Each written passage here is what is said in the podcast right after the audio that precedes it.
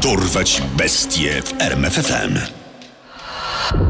Imię i nazwisko. Willem von Eyck. Pseudonim. Bestia z Harkstede. Liczba ofiar. 5 Okres działalności. Lata 1971-2001 Wyrok. Kara dożywotniego pozbawienia wolności. Obecny status. Nie żyje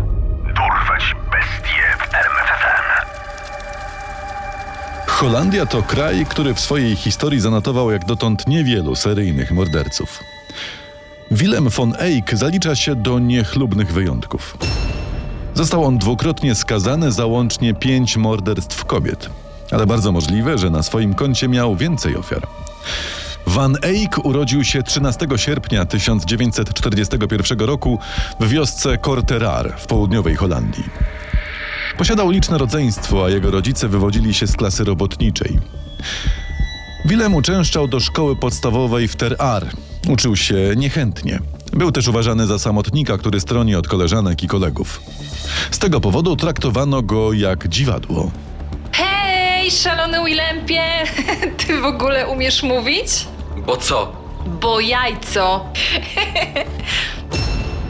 Von Eyck przeszedł typową drogę wielu seryjnych morderców, którzy zaczynali od znęcania się nad zwierzętami. Czerpał przyjemność z torturowania psów, tropienia kotów i kopania kaczek. Lubił też zbierać martwe owady czy wysuszone żaby. Jego niepokojące hobby było znane we wsi i budziło wstręt nawet w rodzeństwie Willema. Jeden z braci stwierdził później, Uciekały przed nim nie tylko zwierzęta, ale i ludzie. Już jako ośmiolatek był wcieleniem zła. Od torturowania zwierząt von Eyck szybko przeszedł do drobnych przestępstw takich jak kradzieże.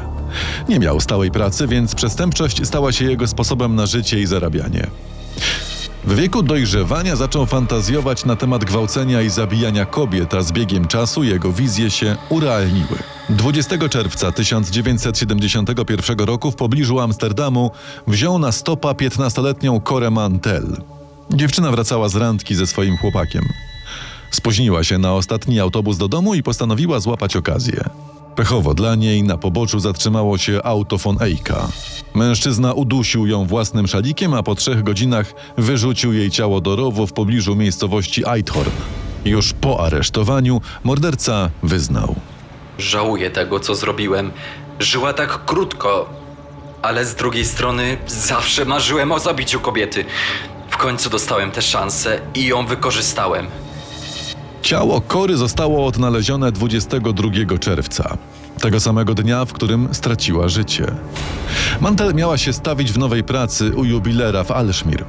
Przez pewien czas to właśnie jej niedoszły pracodawca był uważany za głównego podejrzanego w sprawie morderstwa dziewczyny.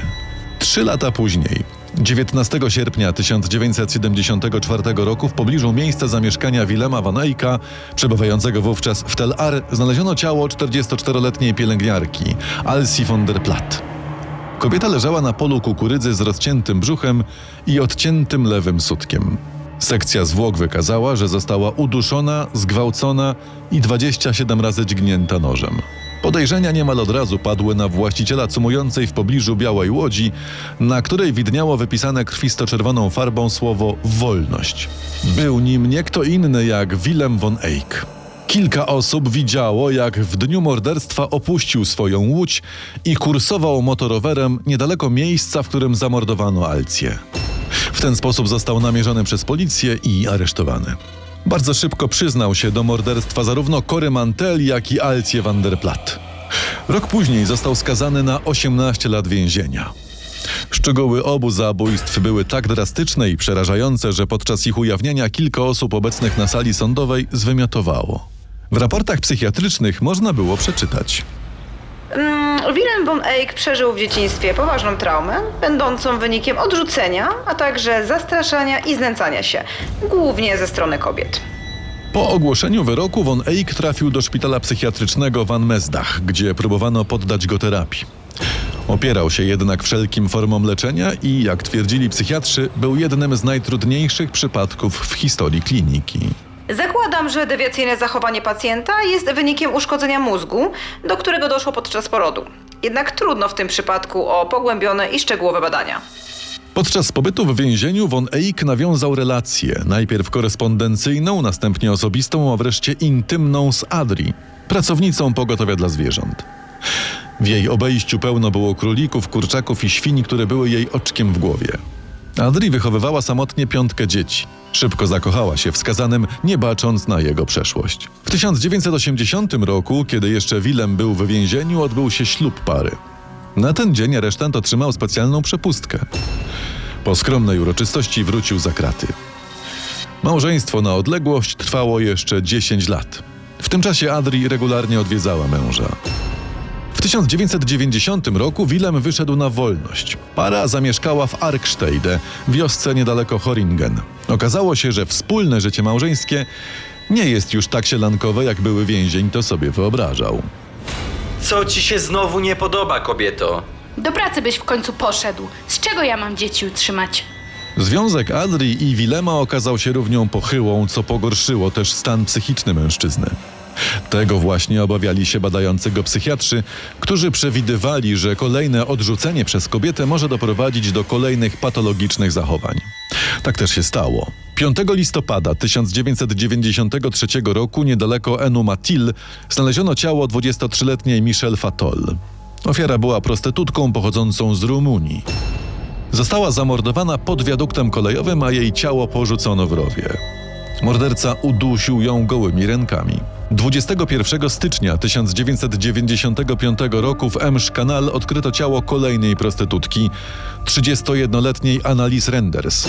Została znaleziona po sześciu tygodniach w kanale ze sznurem na szyi. Czarna seria trwała. 17 lipca 2001 roku w Schlochtediep, niedaleko Arkstede, znaleziono nagie ciało 34-letniej Shashi Szenka. Kilka miesięcy później odnaleziono ubrania kobiety, które znajdowały się w rowie w plastikowej torbie obciążonej kamieniami. Trzecia ofiara, odkryta w podobnych okolicznościach i okolicach, to dało śledczym w końcu do myślenia. No, według mnie mamy do czynienia z seryjnym mordercą.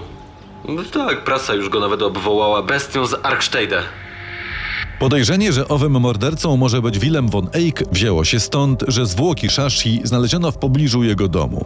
A także stąd, że policja połączyła wątki i uznała, że brutalne zabójstwa mogą być świadectwem recydywy byłego skazanego. 12 listopada 2001 roku wczesnym rankiem von Eyck został aresztowany. Wkrótce przyznał się do zamordowania Michelle Fatol, Annalise Reinders i Shashi Szenka. Jednak śledczy drążyli dalej. Odkąd Van Eyck zamieszkał w Arkstede, w okolicy popełniono osiem innych morderstw. Ich ofiarami były przeważnie prostytutki.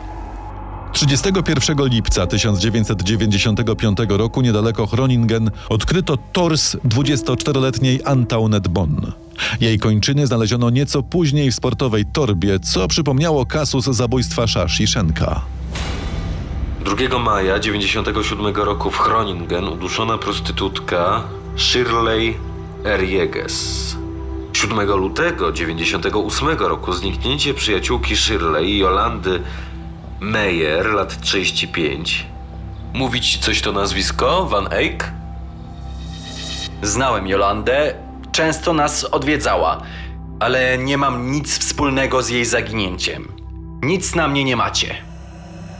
Rzeczywiście, brakowało śladów, które jednoznacznie dowiodłyby win Van Eycka. Przetrząśnięto jego dom i za pomocą koparek przeszukano ogród, ale nic nie znaleziono. Śledczy byli sfrustrowani tym bardziej, że Adri, żona Willema, której udział w morderstwach został nie do końca wyjaśniony, miała powiedzieć. Jolanda? A tak, była taka. Nakarmiliśmy nią naszą świnię. Choć nigdy nie znaleziono dowodów na to i kilka innych morderstw, do dziś uważa się, że von Eyck był za nie odpowiedzialny. 7 listopada 2002 roku sąd w Groningen wydał wyrok. Kara dożywotniego pozbawienia wolności. Von Eyck odwołał się do sądu w Leeuwarden, ale apelacja nie przyniosła rezultatu. Obrońcy oskarżonego zwrócili się jeszcze do Sądu Najwyższego, wykorzystując argument, że ich klientowi nie pozwolono zobaczyć taśmy wideo z jego przesłuchań, o co zabiegał. Sąd odrzucił jednak skargę kasacyjną. Willem von Eyck trafił do zakładu karnego w Maastricht, a następnie został przeniesiony do Wycht. Podczas odsiadywania wyroku w 2005 roku zgłosił się do niego Zitze van der Zee, były redaktor naczelny jednej z holenderskich gazet, który chciał napisać książkę o osadzonym. Zawsze fascynowało mnie zło w człowieku, to tkwiące w obozowych katach i w seryjnych mordercach. Co ich napędza? Czy odczuwają skruchę? Tak mówił Van der Zee w jednym z wywiadów. Dziennikarz przeprowadził w sumie 30 rozmów z Willemem von Eyckiem, które później zebrał w książce pod tytułem Anatomia seryjnego mordercy. Przed pierwszym spotkaniem z więźniem jeden ze strażników ostrzegł go, mówiąc: Niech pan uważa i trzyma się na dystans. To jest potwór. W razie czego nacisnę guzik alarmowy. Nie zdąży pan. Jeśli zaatakuje, będzie pan martwy w pół minuty. Podczas rozmów, które przeprowadził Van der Zee, morderca nie okazał żadnej skruchy. Twierdził jedynie, że niepotrzebnie urządził aż taką rzeź podczas zabijania pielęgniarki Alcie van der Platt. To było poniżej mojej godności. Ja jestem czystym mordercą, metodycznym myśliwym. Umiem zabijać bez brudzenia sobie rąk. Sitze van der Zee opowiadał później, że pozycja von Eycka w więzieniu była słaba i pogarszała się jeszcze z czasem. Był szykanowany przez innych osadzonych, a nawet kilkakrotnie atakowany. Pod koniec życia bał się opuszczać cele. Po 30 rozmowach z dziennikarzem Willem von Eyck odmówił dalszych spotkań. Był rozczarowany, że van der Zee nic nie może dla niego zrobić w sprawie wcześniejszego zwolnienia z odbywania kary. Z kolei dziennikarz miał dość wywiadów z kimś, kogo określał jako Pozbawionego skrupułów psychopatę. Świstak ma więcej uczuć niż ten człowiek. Willem von Eyck kilkukrotnie zwracał się z prośbą do króla Holandii o ułaskawienie. Bez skutku. Zmarł 19 czerwca 2019 roku w wieku 77 lat. Przyczyna śmierci nie została ujawniona. Poznaj sekrety największych zbrodniarzy świata. Dorwać bestie w RMFFM.